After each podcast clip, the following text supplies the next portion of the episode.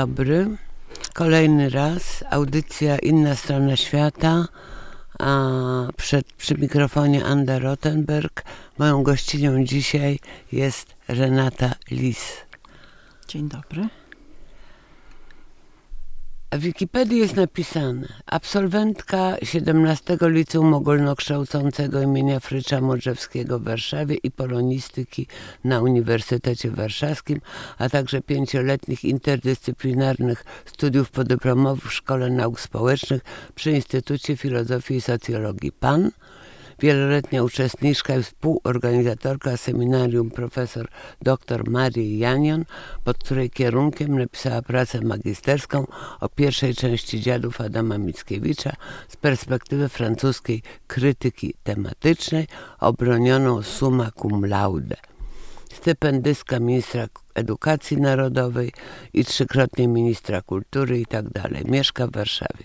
Na tym kończy się Wikipedia. Tymczasem jest pani tłumaczką i pisarką, autorką nominowanych do Nike książek Ręka Floberta, W lodach Prowancji, Bunin na wygraniu, Lesbos i hitem ostatniego roku Moja ukochana i ja. Co się dzieje, że Wikipedia przemilcza najważniejsze fakty z Pani życia. Może nie najważniejsze, bo najważniejsze jest co innego. To, co jest zawartością tej książki, czy, która jest moim zdaniem rodzajem rozwiniętego coming outu. Tak, jest czymś takim. No, Wikipedia nie nadąża. Ja bym chętnie tam coś dopisała, no ale nie mogę przecież, więc może ktoś to zrobi. Tak, no tak, okazało się, że jest to właśnie, że, że ta książka zaczęła taką grać rolę, e, chociaż e, ja jakoś tak e, mm, dokonywałam tego coming outu też wcześniej, jakoś częściowo, na mniejszą skalę, więc to nie jest tak, że to była jakaś zupełna tajemnica, natomiast, natomiast rzeczywiście ta książka dotarła w sposób w sposób e, bez, bezprecedensowy i bardzo spektakularny i chyba rzeczywiście zrobiła wreszcie tę robotę. Tak, mam wrażenie, że, że już się stało coś takiego, co się już nie odstanie, już to, to się już dokonało. No właśnie, jest coś takiego w społeczeństwie, że właściwie polskim społeczeństwie, że normą jest istnienie gejów, a w dalszym ciągu jest problem z tym, że istnieją też lesbijki, szczególnie do tego, jakie lesbijki, to jeszcze dojdziemy. Mhm. Natomiast, że istnieją osoby nieheteronormatywne, e, związane, kobiety związane z kobietami. To jest ten problem, który ja obserwuję od wielu lat. Ja mam wiele koleżanek, jak to one mówią, z branży. E, wysłuchuję ich różnych rozmów to zależy oczywiście od pokolenia. Moja generacja w dalszym ciągu ma z tym problem, czy miała, bo to było jeszcze, to jest pokolenie, które wyrosło w komunie. Mm, e, młode kobiety nie mają z tym problemów już. Te, to jest te, osoby w wieku mojego syna, czy nawet mojej wnuczki, są bardzo otwarte ale pani zaczęła życie w komunie i kształcenie, co jest w tej książce w szczególności, na Pradze. Ja chciałam zapytać, e, kiedy pani sobie uświadomiła to, że panią nie pociągają chłopcy? Nie wiem, czy mnie nie pociągają chłopcy. Jakoś, Aha. ja w ogóle nie mam takiego, to w ogóle u mnie było inaczej, bo, bo zwykle ta historia życia właśnie osób takich jak ja, żyjących tak jak ja, właśnie tak wygląda, że właśnie coś sobie uświadamiają. No, u, u mnie to trwało długo właściwie i właściwie polegało na tym, że raczej uświadomiłam sobie to, że E, że, że, że, że ta osoba, której szukam na życie, to raczej jest kobieta i że, że chciałabym właśnie e, tworzyć życie z kobietą. To raczej było tak pozytywnie niż negatywnie, że bar bardziej chciałabym, żeby to była kobieta. I to trwało mnie długo, ja żyłam w takiej mgle długo, w takim, w takim zamgleniu, przeżywałam różne zakochania i one były skierowane w różne strony. Natomiast y, uświadomiłam sobie, y, że, że, że potrzebna mi jest właśnie kobieta, że to jakby z kobietą mogłabym czuć się bliżej niż z kimkolwiek.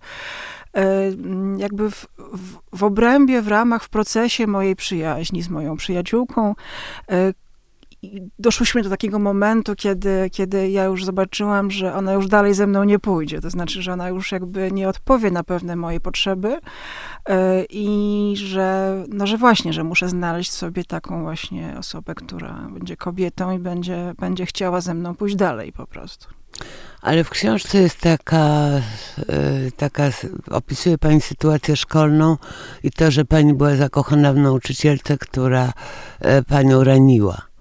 Więc tak, było coś takiego. Tak było, tylko właśnie to były takie rzeczy, których, ponieważ nie, nie, nie miałam na to języka. Znaczy, to jest bardzo dziwne, ponieważ ja te rzeczy bardzo mocno zapamiętałam, te momenty we mnie bardzo zapadły i dzisiaj patrząc na to wstecz, oczywiście widzę cały szereg moich zakochań w rozmaitych koleżankach, a jak w chłopakach, to też takich, którzy właśnie się odznaczali taką dziewczęcą urodą jednak, jak widzę dzisiaj. Mieli takie śliczne buzie i podkręcane rzęsy i w ogóle te mało, mało byli tacy męscy w takim tradycyjnym rozumieniu.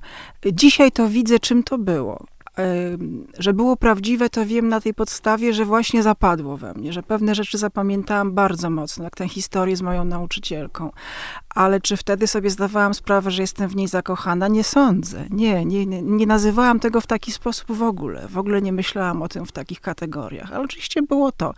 Było to to zdarzenie właśnie. To, zresztą podobno się zdarza to wielu osobom, że się kochają w nauczycielkach i często w nauczycielkach historii. Już słyszałam kilka, kilka historii takich takich właśnie, bo nie wiem dlaczego, ale, ale tak się to właśnie układa. Tak, tak, tak. Miałam takie, takie zakochanie, ale y, zrozumiałam, co mi się przydarzyło, zrozumiałam, co przeżyłam znacznie później.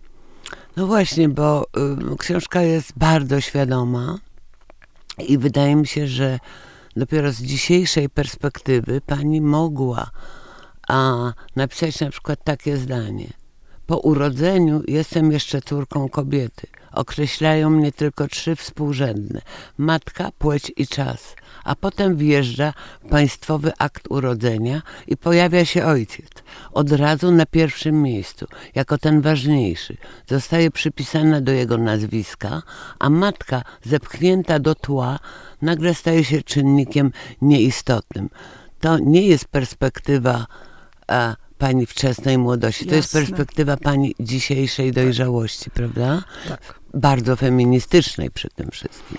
No tak, bo y, to, jest, to, się, to, się, to wszystko się zaczęło od takiej właśnie mhm. teczki, która być może wygląda na wymyśloną, ale naprawdę moi rodzice założyli mi taką teczkę, kiedy się urodziłam, gdzie zbierali różne dokumenty istotne na temat mojego życia i właśnie oglądając ją sobie jako osoba już bardzo dorosła i właśnie trochę obczytana w w feministycznych no lekturach, tak, z taką zupełnie inną świadomością, zaczęłam oglądać te papiery i właśnie patrzeć, czym się różnią. Na przykład zaświadczenie o urodzeniu żywym, takie odręczne jeszcze ze szpitala i potem już ten oficjalny akt urodzenia, co tam się właściwie dzieje.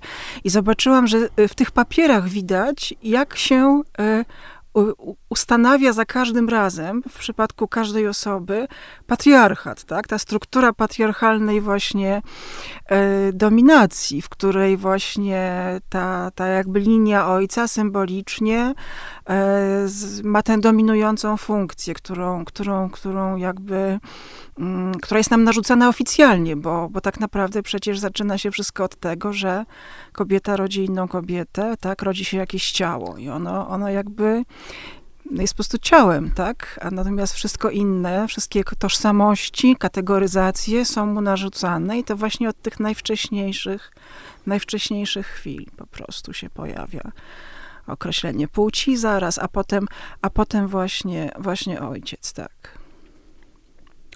No właśnie, bo potem pani to kontynuuje już w, gdzie indziej. W tym sensie miłość kobiety do kobiety jest też przezwyciężeniem patriarchalnego aktu rozdzielenia matki i córki, obaleniem patriarchatu w mikroskali. To jest bardzo interesujące podejście, również dla mnie nieoczywiste, bo e, e, ja się bardzo dużo uczę. Stoję nad grobem, ale dalej się uczę różnych rzeczy, które mnie fascynują, ponieważ ja się też uczy, uczyłam z pani książki innego podejścia do bardzo wielu rzeczy, chociaż niektóre już były oswojone, bo w tej książce jest też taki elementarz jak wyliczenie zalet i niedogodności związku homoseksualnego. Mm, po pierwsze zakończona sztafeta pokoleń, brak dzieci, ciąż, jak pani pisze, całej ginekologicznej traumy. No, tak się ułożyło w naszym życiu, ale oczywiście mm, jest mnóstwo związków kobieco-kobiecych, które mają dzieci. Więc to nie jest może takie powszechne doświadczenie, to znaczy może ono nie jest uniwersalne, tak, dla wszystkich, dla wszystkich e, kobiet nieheteronormatywnych. Można mieć dzieci, tylko problem polega na tym, że trzeba się o to strasznie, strasznie postarać. Jest to bardzo trudne.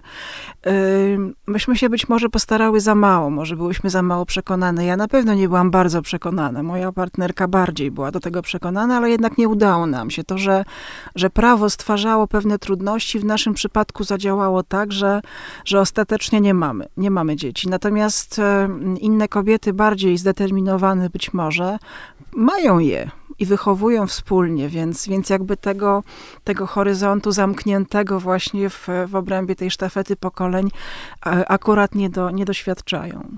Kobiety młodsze, to ja znam kilka młodsze, takich par. Tak, tak. E, to jest bardzo ciekawe, bo poznałam kilka par w Berlinie. E, wszystkie nie były Niemkami, przyjechały z różnych miejsc. E, holendersko-izraelska para, węgiersko-brytyjska, polsko-polska, ale w Berlinie. I one miały dzieci. E, tylko że chciały je uchronić od wychowania w no właśnie, tak. polskim systemie edukacyjnym. Przed, dla mnie to był też taki bardzo ważny argument przeciwko. No poza tym, że w ogóle nie czuję takiego jakiegoś takiego, ja, wiem, jakiegoś takiego właśnie strasznego właśnie takiej potrzeby powołania, tak, żeby, te, żeby, się, żeby się rozmnożyć, e, ale też jakby wśród racjonalnych argumentów z innego porządku było to, że właśnie e, takie dziecko byłoby skazane na dorastanie w Polsce i to mogłoby być bardzo traumatyczne wydawało mi się mało odpowiedzialne, żeby e, coś takiego dziecku fundować, tak? Żeby ono właśnie żyło z tym piętnem. Żeby i... się przedszkolu dowiedziało. Tak, i cały czas musiałoby przezwyciężać tego rodzaju sytuacje, prawda? Bo czasem byłoby lepiej, a, a czas, czasem byłoby gorzej i trzeba by ciągle było się z tym konfrontować, więc to wydawało mi się dość nieodpowiedzialne, jak e, tak ze strony ro, rodzica, tak? matki. E, myśmy podjęły taką próbę, no właśnie wątłą dosyć, ale starałyśmy się, próbowałyśmy się, tak, dowiedzieć o to, czy, czy mogłybyśmy taką uzyskać usługę jak sztuczne zapłodnienie w klinice takiej właśnie, która się zajmowała e, in vitro.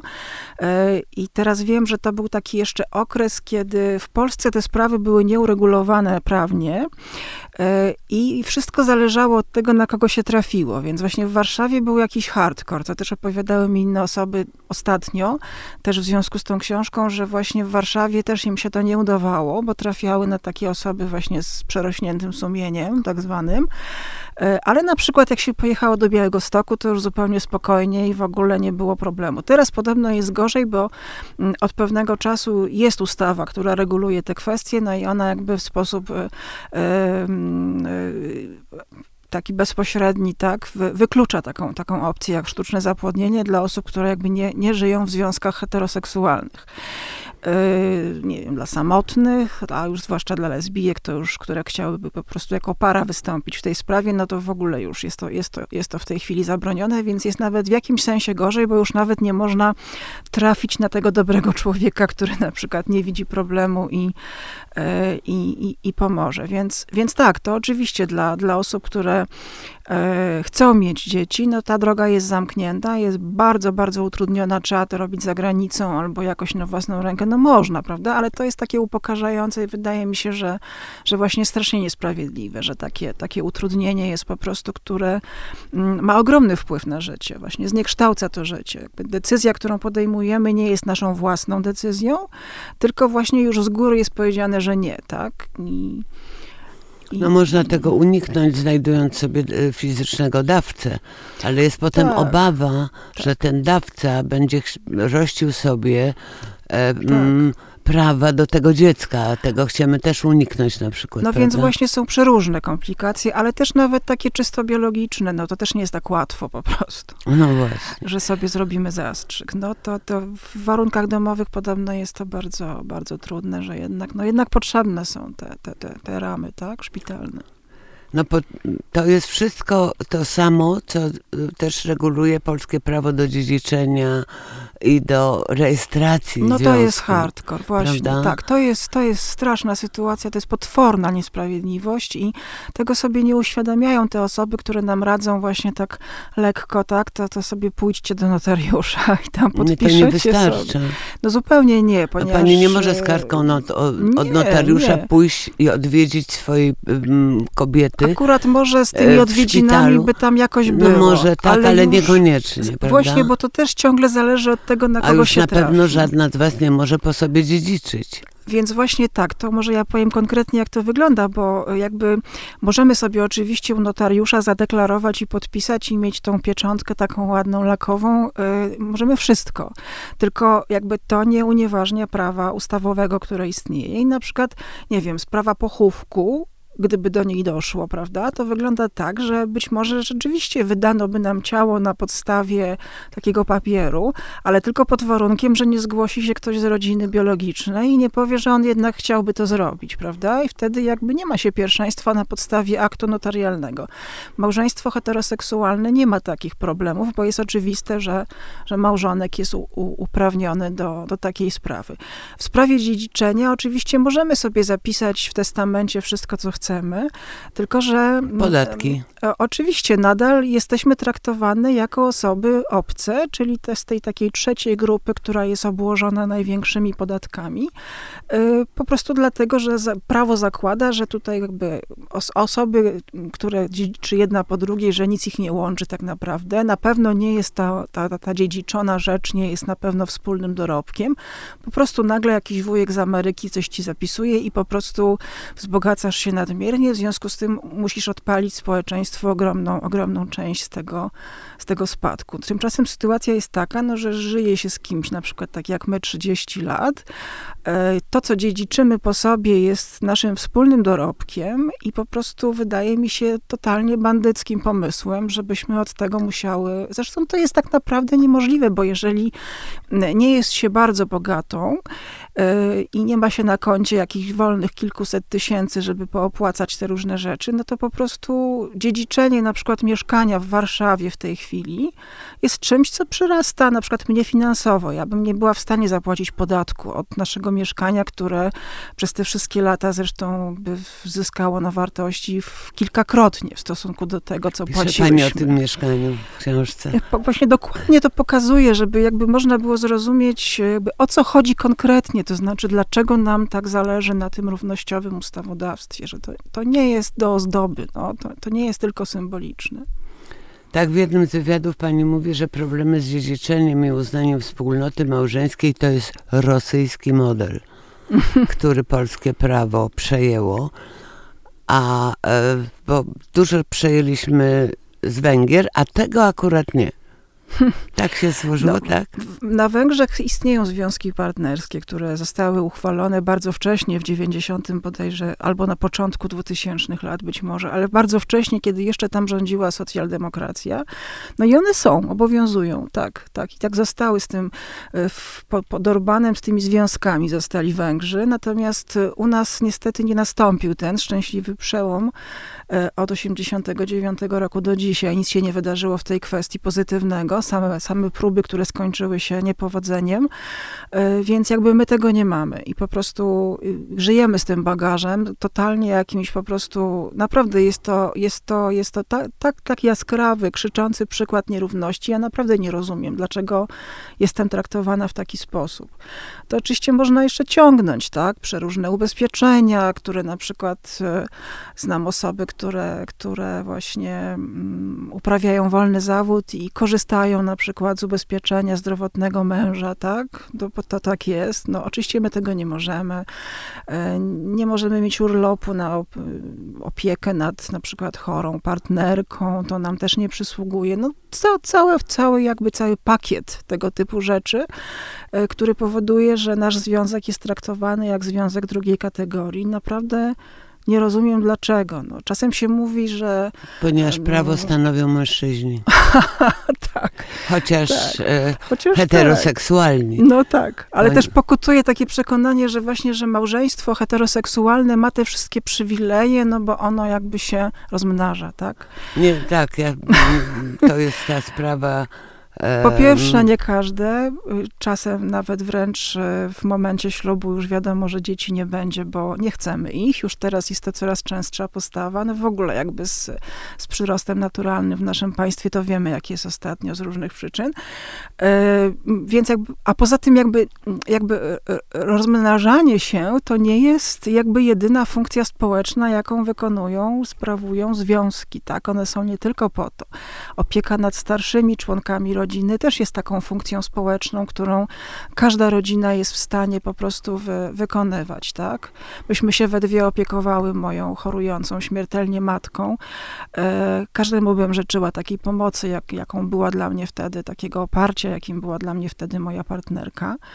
E, to też jest funkcja społeczna. Poza tym, no, no naprawdę, no, nie, nie, nie widzę żadnej przesłanki, która, która by uzasadniała taką nierówność. Poza tradycją. No tak, nie, no oczywiście, bo to jest takie pomieszanie pojęć, prawda? Bo y, zakłada się, że to ma być właściwie, że miesza się jakby ślub kościelny ze ślubem cywilnym. Y, ślub cywilny powinien być funkcjonalną instytucją po prostu społeczną.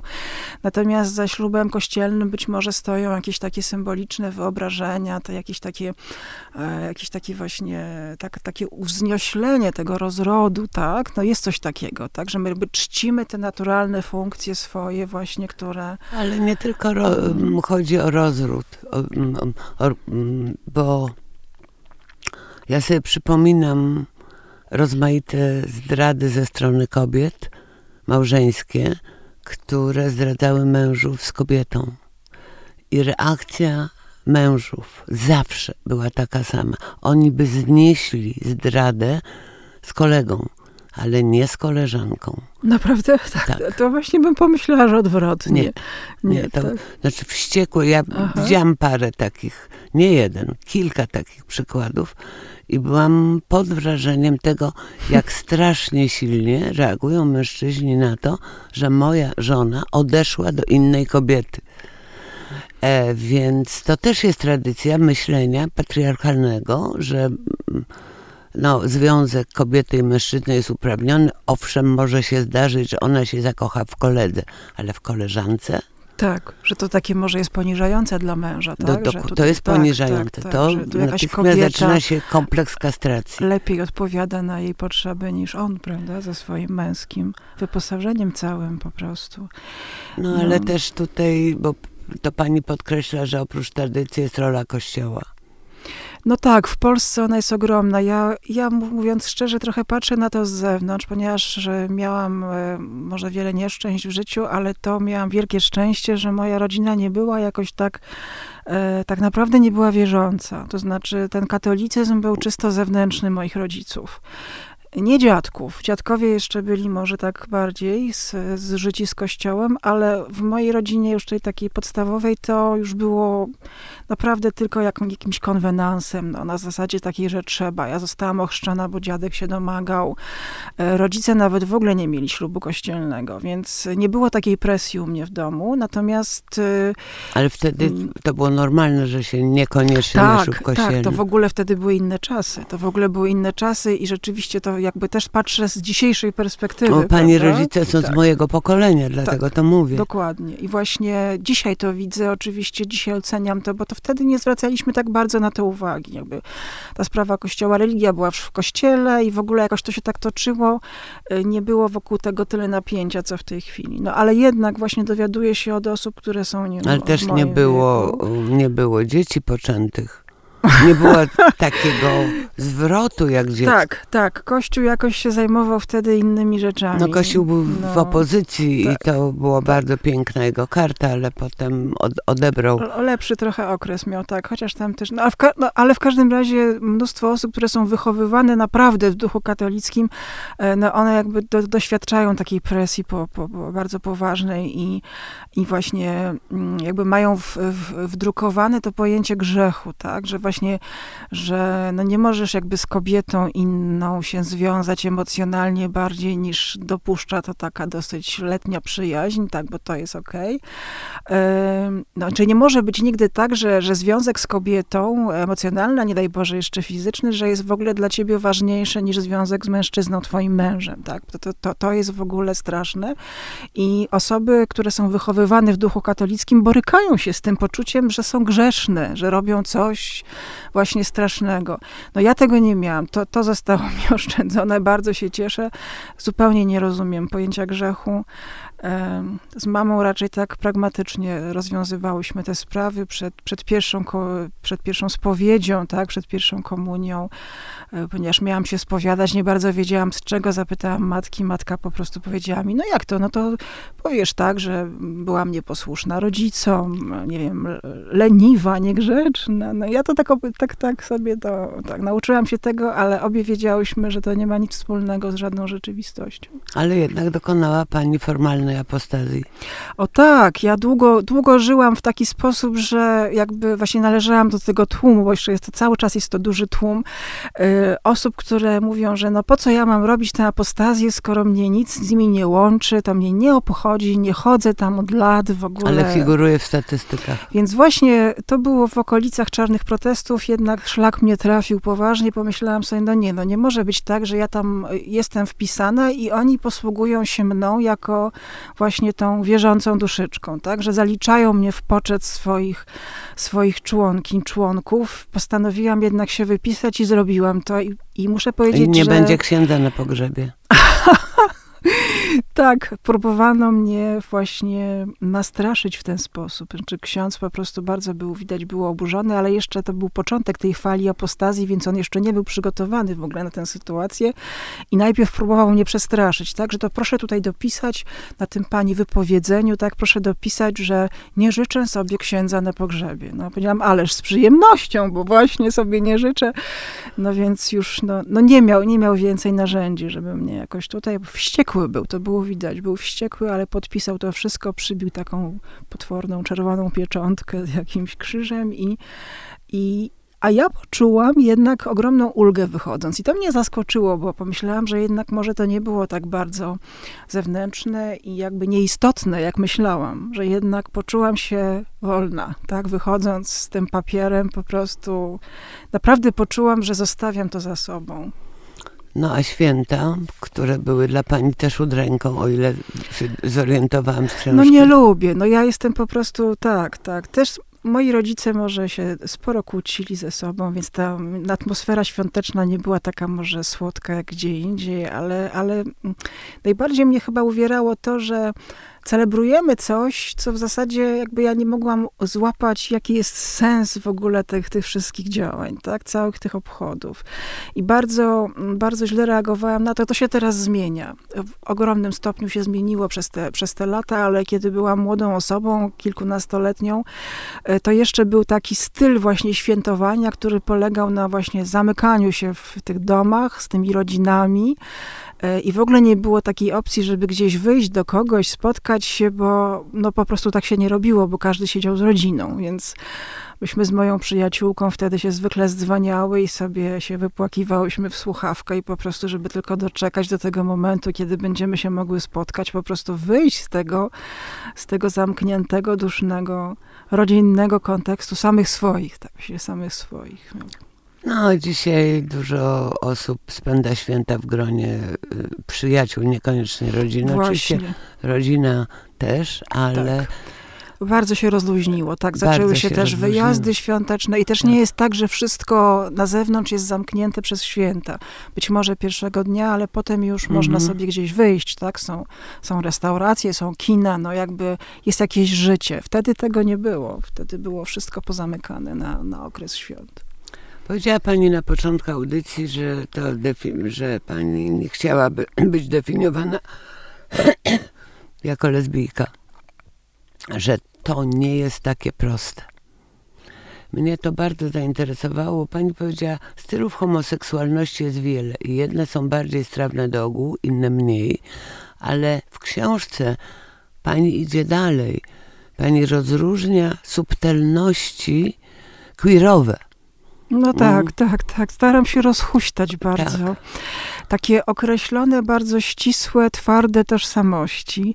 I wydaje mi się, że lesbijka, czy gej nawet również, y, czy osoba homoseksualna, to one, to jakby te określenia też należą do tych tożsamości bardzo takich stałych, stabilnych, nieruchomych. Ja tak siebie nie odczuwam, nie przeżywam siebie w ten sposób. Nie uważam, że, że jakoś moją istotę to definiuje określam się poprzez mój związek.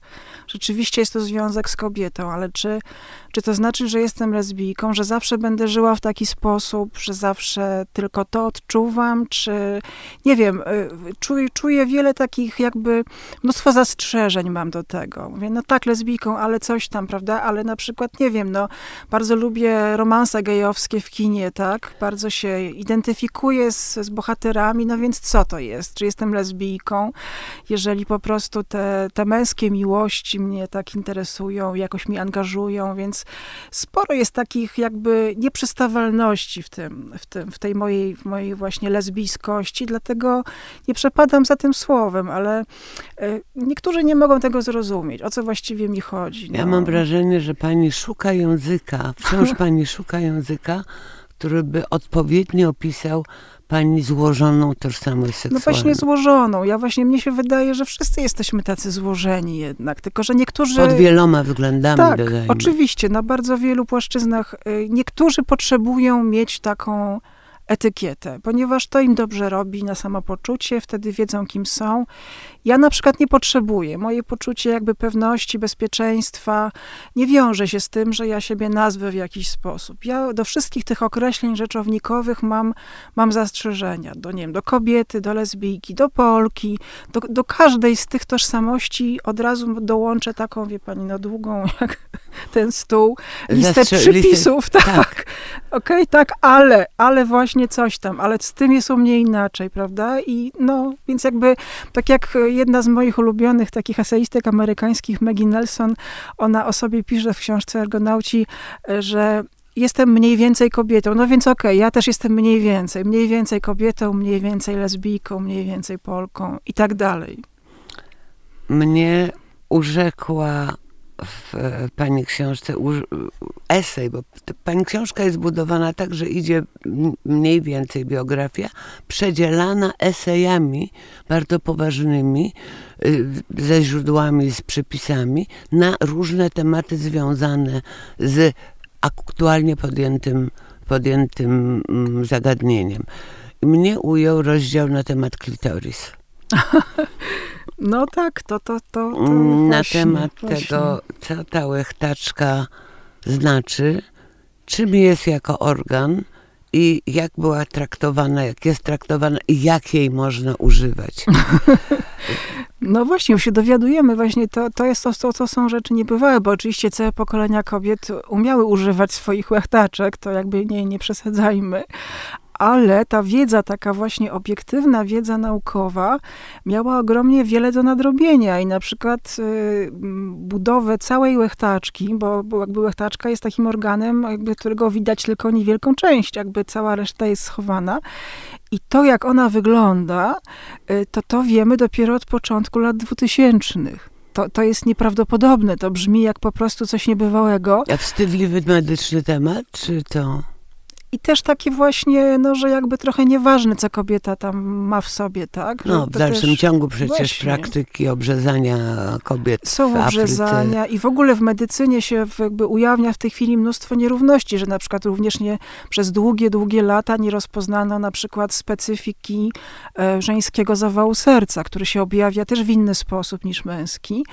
E, I jakby takich spraw jest więcej, więc wydaje mi się, że tę łechtaczkę trzeba tutaj zaliczyć do tego, do tego nurtu, że po prostu wciąż jakby słabo była rozpoznana w, tej, w tych dziedzinach, które są opanowane przez mężczyzn, jednak specyfika kobieca, tak, że tutaj są pewne różnice, więc, więc ta łechtaczka, wiemy jak ona wygląda w całości naprawdę od bardzo niedawna, że jest to organ niesłychanie rozbudowany, który no jakby właściwie mm, poprzez połączenia nerwowe obejmuje całe ciało i w ogóle jest jakiś organ niesamowity i warto się na nim skupić i się skupiają kobiety na nim. Tutaj ja się powołuję na taką francuską książkę, która właśnie filozoficzną, która jest poświęcona łechtaczce z takiego właśnie filozoficznego punktu widzenia, na takiej zasadzie, na jakiej cała filozofia e, współczesna e, we Francji na przykład była zbudowana wokół e, symbolu falusa, tak? Więc jakby tutaj jakby jest próba jakby takiego alternatywnego właśnie opracowania